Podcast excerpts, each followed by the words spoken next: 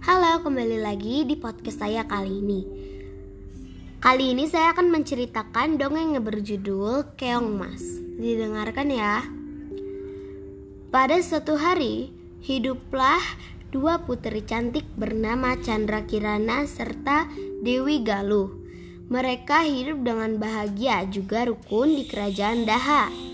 Saling membantu juga menolong adalah kebiasaan baik keduanya. Namun suasana itu tidak berlangsung lama karena ada Raden Inu Kertapati, seorang pangeran dari kerajaan Kahuripan, bermaksud untuk melamar putri cantik Chandra Kirana.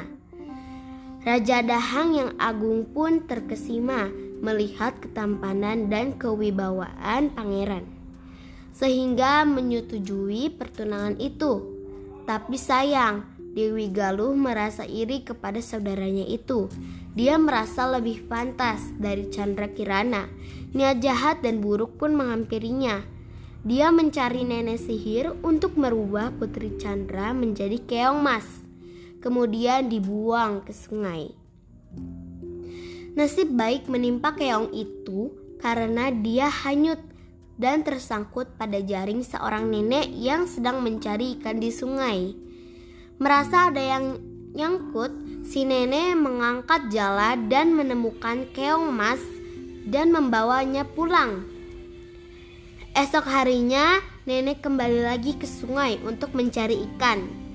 Tapi sayang malang yang dia dapat tidak ada satupun ikan dia peroleh.